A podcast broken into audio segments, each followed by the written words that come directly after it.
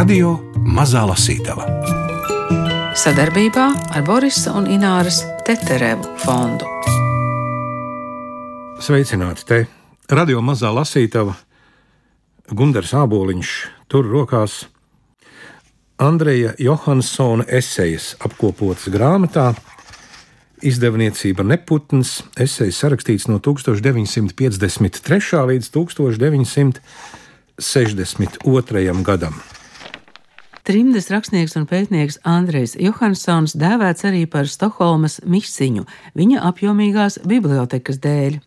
No 1953. līdz 62. gadam viņam iznāca piecas esēju grāmatas. Vienu izdeva apgāds grāmatu draugs Amerikas Savienotajās valstīs, pārējās izdevniecība Daugava Stokholmā. Jauniespiedumu esejas piedzīvoja jau Rīgā, bet šo neputnā izdoto eseju izlasi sastādījis Andreja dēls Pāvils Johansons, kurš ir arī priekšvārda autors. Viņu uzrunāja mana kolēģe Laima Slava, vispirms par eseju izvēles principiem. Jā, nu es domāju tā, ka vajadzēja izvēlēties esejas no visām šīm piecām grāmatām, kas iznāca no 1953. līdz 62. gadam, lai būtu arī reprezentēta dažādība, varētu teikt, gan personu ziņā, gan arī notikumu ziņā. Un uh, es izvēlējos arī tā pēc savas patikas, kā teikt, bet es arī prasīju vienam otram citam un jāsaka, labi sakrita šī izvēle. Tā viņa vienkārši iznāca. Viena esēja, jeb apskate kas grāmatā ietverta, ko sauc splendidais vērotājs, kas ir par um, Anšlavu Eglīti. Tā esēja nav publicēta esēju sērijā, kā saka, vai ne, bet uh, tas bija kādā literārā žurnālā 50. gadu vidū kaut kādā.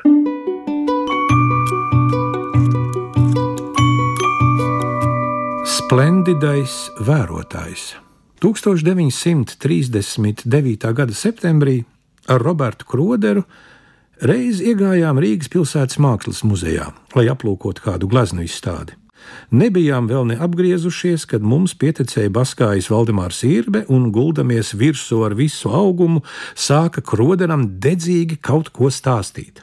Laipni, bet nesteidzīgi, no viņa atbrīvojies, kroders pietvīka līdz pat galvidum, un it kā samulsis man sacīja: Nu, lādzīgs puika un labs mākslinieks, bet nebūtu viņš tik briesmīgi smirdējis. Irbe tipināja uz izēju, tad pēkšņi apstājās, kaut ko pārdomādams vai atcerēdamies. Šai mirklī durvīs parādījās Anšlavas eglītis, un brīdi viņi stāvēja abi blakus. Irbe basām nokūpējušām kājām, dzeltenīgās skrandās, garās matu pinkas, skurinādams, Eglītis spodrās kurpēs, tumša zaļā uzvalkā ar delikātām vīlēm un krokām, tik rūpīgi sukātu galvu, it kā katrai šķipsnai būtu noteikti paredzēta vieta. Šai pretstatījumā ar īrbi, varbūt visasākajā, kāds Rīgā varētu gadīties, es ieraudzīju Eglīti pirmo reizi. Līdz tam pazinu viņu tikai pēc pāris gadu agrāk redzēta pašportreta. Kroders mūs iepazīstināja, un Eglītis Nezinu, kāpēc klusēdams tik ilgi pētīja manu seju, ka beidzot man kļuva nērti un es nosarku kā burkāns. Vēl tagad atceros viņa skatu, šīs skaidrās, laipnās un vērīgās acis, kas raudzījās no tumšajiem dobumiem, abus smailējam, spēcīgi uz priekšu izvirzītajam degunam. Tolaik es nevien daudz lasīju angļu klasisko dzēju, bet arī tūlīt tulkoju visu, kas likās pievilcīgs. Eglītis kopā ar Viljamu Metjūsu bija sācis kārtot angļu lirikas antoloģiju latviešu valodā un aicināja arī mani piedalīties. Jau pēc dažām dienām es aiznesu viņam kādus paraugus, un tā mēs satikāmies ar vien biežāk. Viņš pats mēdza dzējoļus tulkot pēc gara, es pēc burta. Tādēļ mani atzējojumi reizēm bija diezgan stīvi, un viņam nācās tos krietni pārstrādāt. Ar Dantes rozetīs svēto jumpravu gan netikām galā neviens ne otrs, jo nespējām atšifrēt jēgu, kam vajadzēja, nu taču vajadzēja, slēpties aiz dīvainajām stila un sintakses manierēm. Vispār Eglītis necieta tumšu uz alūzijām un asociāciju virknēm dibinātu dzēju. Viņš būtu labprāt atstājis ārpus antoloģijas arī Tomasu Stērnu Eliotu, ja nezinātu, ka šim autoram pieder Metjūsa nedalīta mīlestība. Jau kopš 1937. gada es bieži apmeklēju veco Jāni Misiņu, viņa namā Hanzas ielā. Klausījos viņa stāstus par pagājušā gadsimta pēdējo ceturksni, šķirstīju pirmo Pēterburgas avīžu vai Jūra Neikana ceļa biedra komplektus, palīdzēju viņam pārrakstīt monogrāfiju par Jēkabu Zvaigznīti, reiz aizgājām turp abi ar eglīti, kas misiņu nepazina, un atradām priekšā Pēteri Ērmani. Ja misiņš kādreiz deva viesiem stiprāku dzeramo, tad viņš, kā bijis aptieknieks, parasti to izmērīja un ielēja no menzūras. Toreiz viņš atnesa līdz pusē pilnu karafi, ar citronu mizai uzlietu degvīnu, un mēs pa kārtai iemetām visi no viena sudraba kausiņa. Pats saimnieks atturējās, turpretī ērmanis tukšoja, it naigi un nopūtās. Ai, uz vecumu laikam kļūšu dzērājs. Likās, ka eglīti, kas vienmēr tāpat kā ērmanis dzēra maz un mēreni, šis teiciens lieliski iepriecēja, un viņš sirsnīgi spieda runātājam pirkstos jaunu kausu, tos sev ne pie lūpām nepielicis. Viņu vērodams, misiņš sāka lēnā garā stāstīt, ka viņš gan tagad uz vecumu vairs nevarot lāga turēt, bet agrāk bijis liels palaidnis un bieži sadzēries.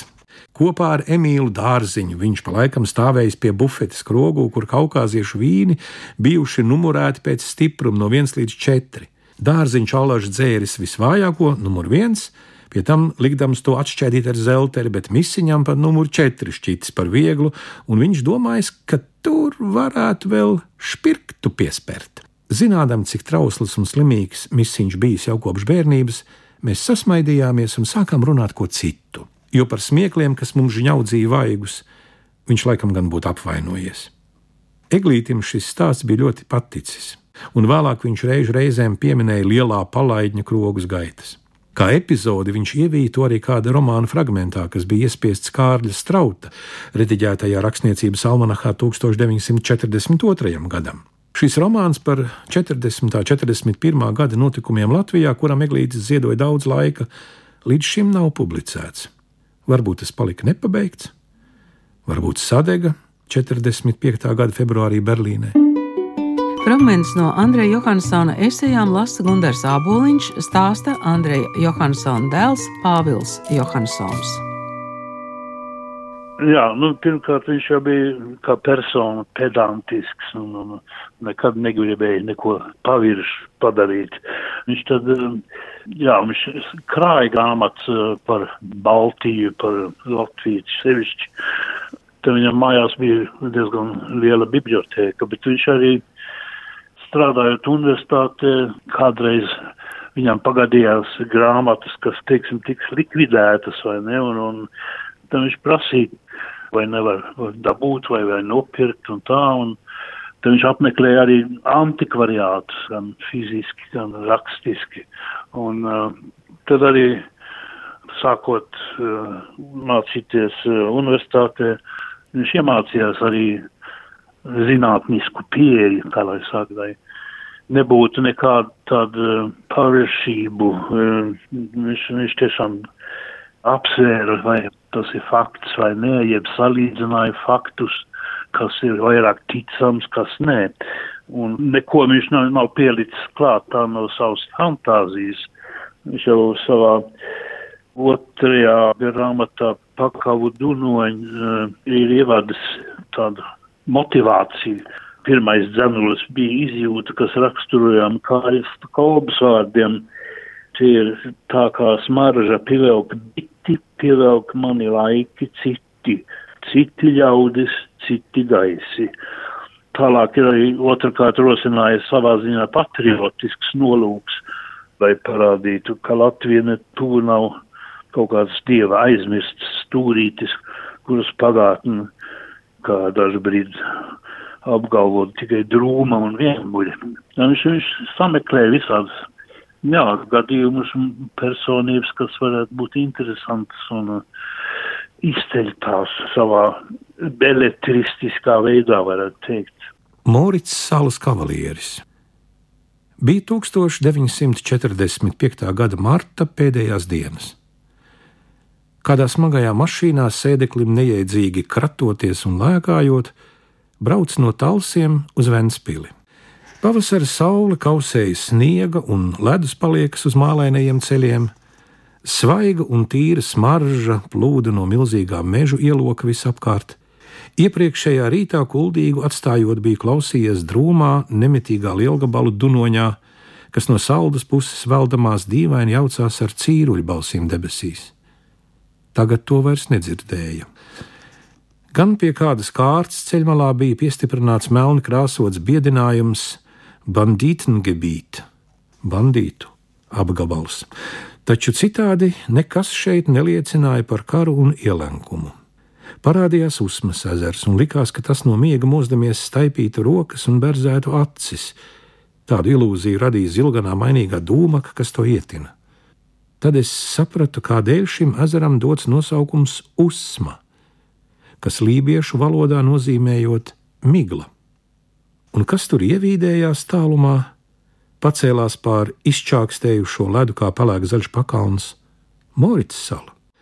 Latvijas mūža meža vieta, ar ko saistās tik daudz pirmotnējas un vēsturiskas romantikas. Manas domas aizgriezās projām no tagadnes. Varbūt zivju sala, kā to dēvē līdz 18. gadsimta vidum, bijusi apdzīvota akmens laikmetā, jo tur atrastas dažas apstrādātas krāma šķēpeles, bet posmā starp 13. un 20. gadsimtu, par ko pieejamas rakstītas liecības, tā apmeklēta tikai atsevišķos gadījumos.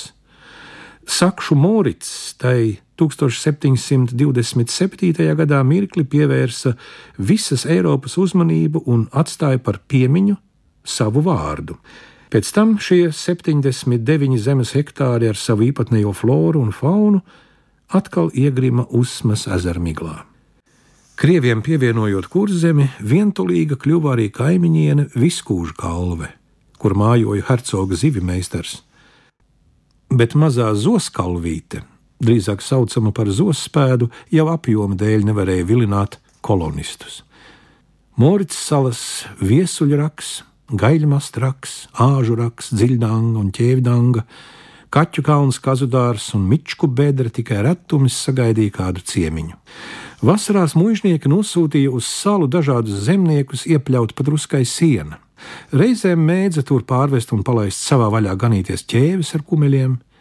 Tas viss nespēja jūtami ietekmēt vai pārgrozīt salas primitīvo raksturu. To nav spējis arī kāds liels īpatnis, vārdā neminams ārsts, kura suvenīrs Morits salas kartē ir dakterraks, dakterdanga un dakterdruva. Domā, ka viņš kādreiz šai drūvā kultivējis dziedniecības augus, tomēr tie iznīkuši bez pēdām. 1905. gadā Morits salā novietoja pirmo pastāvīgo iedzīvotāju, kroņa meža sargu Ansi Gaili, kas pēc tam vairākus gadu desmitus rūpīgi uzraudzīja viņa ziņā nodotos krāšņumus. 1912. gadā salu oficiāli izsludināja par dabas rezervātu. Tā bija grūti pieejama. Kara un pirmos pēckara gadus atskaitot tās apmeklēšanai vajadzēja īpašas atļaujas, tāpēc tautā izplatījās teiksmaini nostāsti - putni tur nedziedot, čūskas nedzeļot. Taču brīnumu meklētāji pa laikam pievīlās, jo purva bērzi un irbanāji, kazuroza, sētložņa melmeņa zāle, zelkša oga un peļu zirņi, tāpat dažādi grīšļi, papardes, skostas un staipekņi varēja savaldzināt un aizraut vienīgi pazinējus. Tas pats ar putniem. Morits salā nebija ne pāvu, ne kondoru, bet necilākas sugas erickiņš, ziedu ķauķis, stārtiņš, lija, melnais mušķērājs. Salu sevišķi bija iemīlējuši tie putni, kas perē cauru koku dobumos un ko deva kārajam ekskursantam fakts, ka salā atrodamas 297 sēņu sugas vien. Daudzinātā vieta nepārsteidza, bet tikai gluži paviršs vērotājs no tās aizbrauca bez intuitīvas nojautas, ka skatījis kaut ko vienreizēju. Priekšstats par Morits salu bija un palika romantisks. Šīs un līdzīgas lietas plaiksnījās man atmiņā gāzes ģeneratora dzītajā krateklī virzoties uz Ugāles pusi. Es atcerējos arī Nacionālo operu, kur Adrians Lekuvrēras izrādēs Maris Svētra tik braši dziedāja un tēloja sakšu Morica lomu.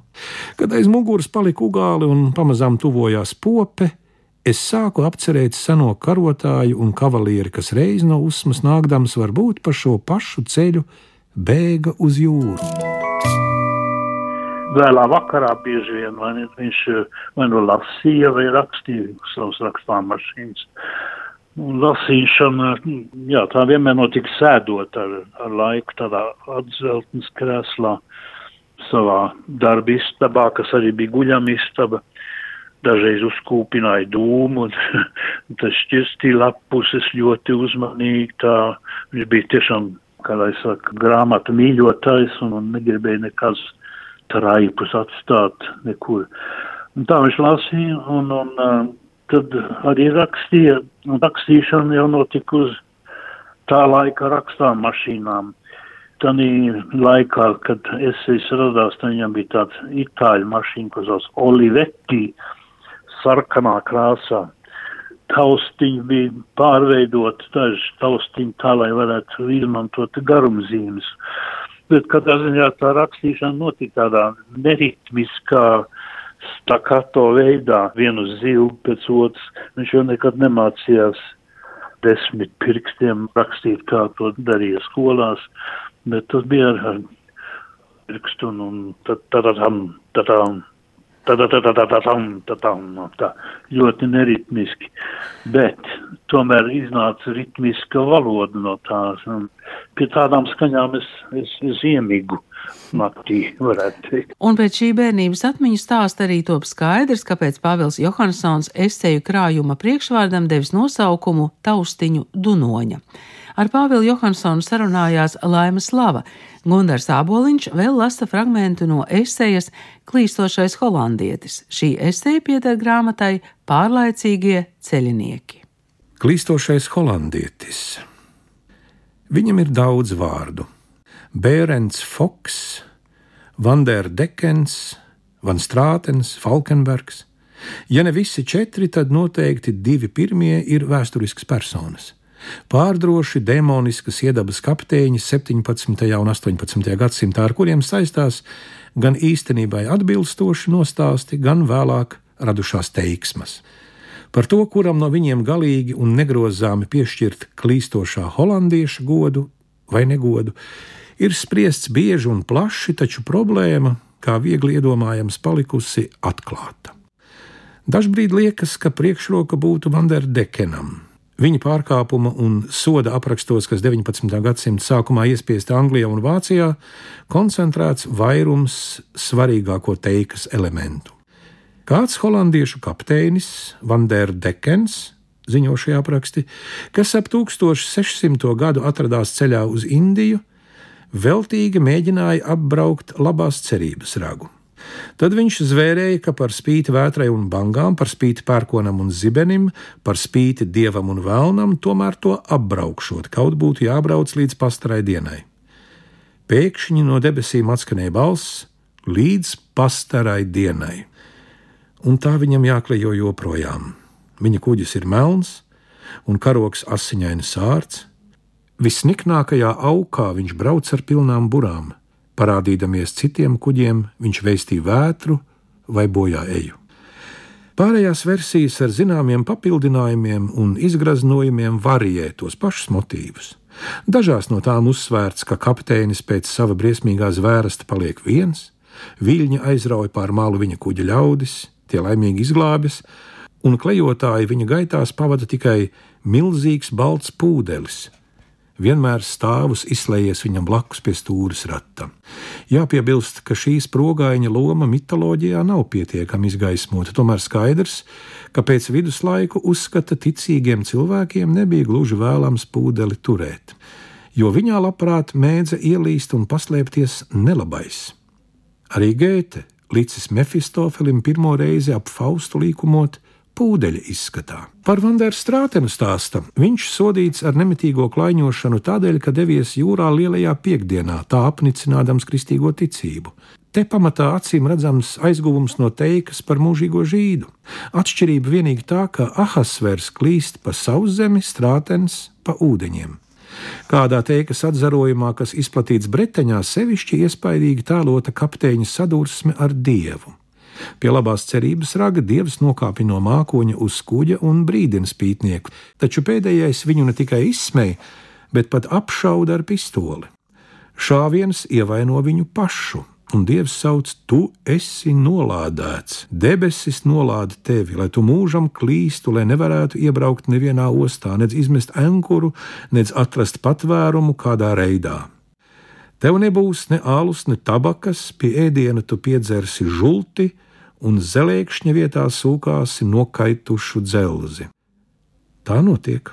Tomēr kapteinis nav salaužams. Nejauki lādēdamies, viņš klejo apkārt un jūtas lieliski iepriecināts, kad uzdzen citus jūrniekus sēklī, iegriež tos aplamā kursā vai nogremdē. Lai gan jaunākos laikos klīstošo holandieti teica manītu visur, no Antarktīdas piekrastēm līdz Baltijai jūrai un Grenlandei, taču sākotnēji viņa liktenis ar vien cieši saistīts ar labās cerības ragu. Tas dod, teiku pētījot, noteiktu geogrāfisku un reizē arī chronoloģisku pieturas punktu - 1488. gadu, kad šo ragu sasniedza Bartolomejs Diašs. 1497. gada 22. novembrī to apbrauca Vasko da Gama. Diešam raksts izrādījās fatāls. Jau pirmajā braucienā viņam nācās tā apkaimē cīnīties ar negantām vētrām un dumpīgu apkalpi. 1500. gadā jaunu vētru varā nokļuvis viņš turpat aizgāja bojā. Šais notikumos jaužama kāda apakšstrāva, kas neatlaidīgi mudina domāt par Dieša un klīstošā holandiešu sakariem. Viņa cīņai ar sīvo ragu, kā viņš pats to nosauca, bija nepieciešams heroisks, lai neteiktu demonisks spīts. Viņa atgriešanās pie tā bija it kā predestinēta un gals nedabisks. Vai toreizējā pasaules skatījumā tas neatgādināja sacelšanos pret dievu, kuras iznākumā vainīgo parāvis vēlns? Andreja Johansona esejas izdotas apgādā Neputns. Raidījumu veidoja Nora Mitspapa, Gita Bērziņa un Ingvilda Strautmane, lasīja Gundars Āboliņš, bet Pāvils Johansons vēl atklāja kādu topošu darbu par Andreju Johansonu un viņa īpašo grāmatu mīlestību. Viena interesanta lieta ir, ka es nezinu, vai es drīkst teikt, ne, bet top monogrāfija par Andreju ko raksta Ingūna Daugstas silasproģe. Viņa ir ļoti rūpīga vai no tā, un es domāju, ka tas varētu būt ļoti liels pienesums, lai iepazītos ar Andreju un ar viņa darbu un ar, ar to laiku, kurā viņš darbojās. Viņš jau nomira samērā jauns, 61 gads viņam bija, kad viņš nomira. Un es jau tā biju domājis, ja viņš būtu dzīvojis vēl desmit gadus vai, vai 20 gadus, kas tur viss varbūt neiznāktu.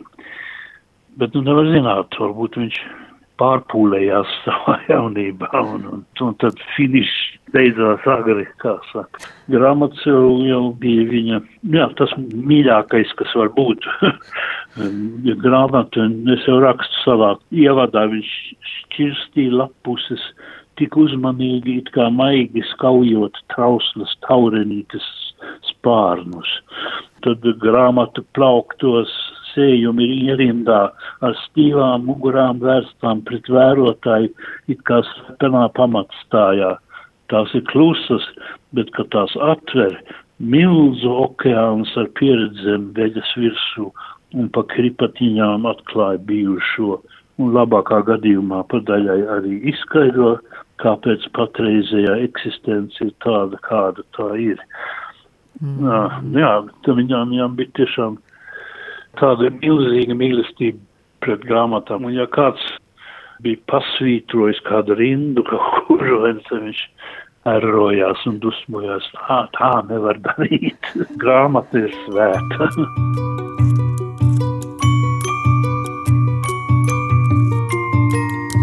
Radio Mazā Lasītava sadarbībā ar Borisa un Ināras Teterevu fondu.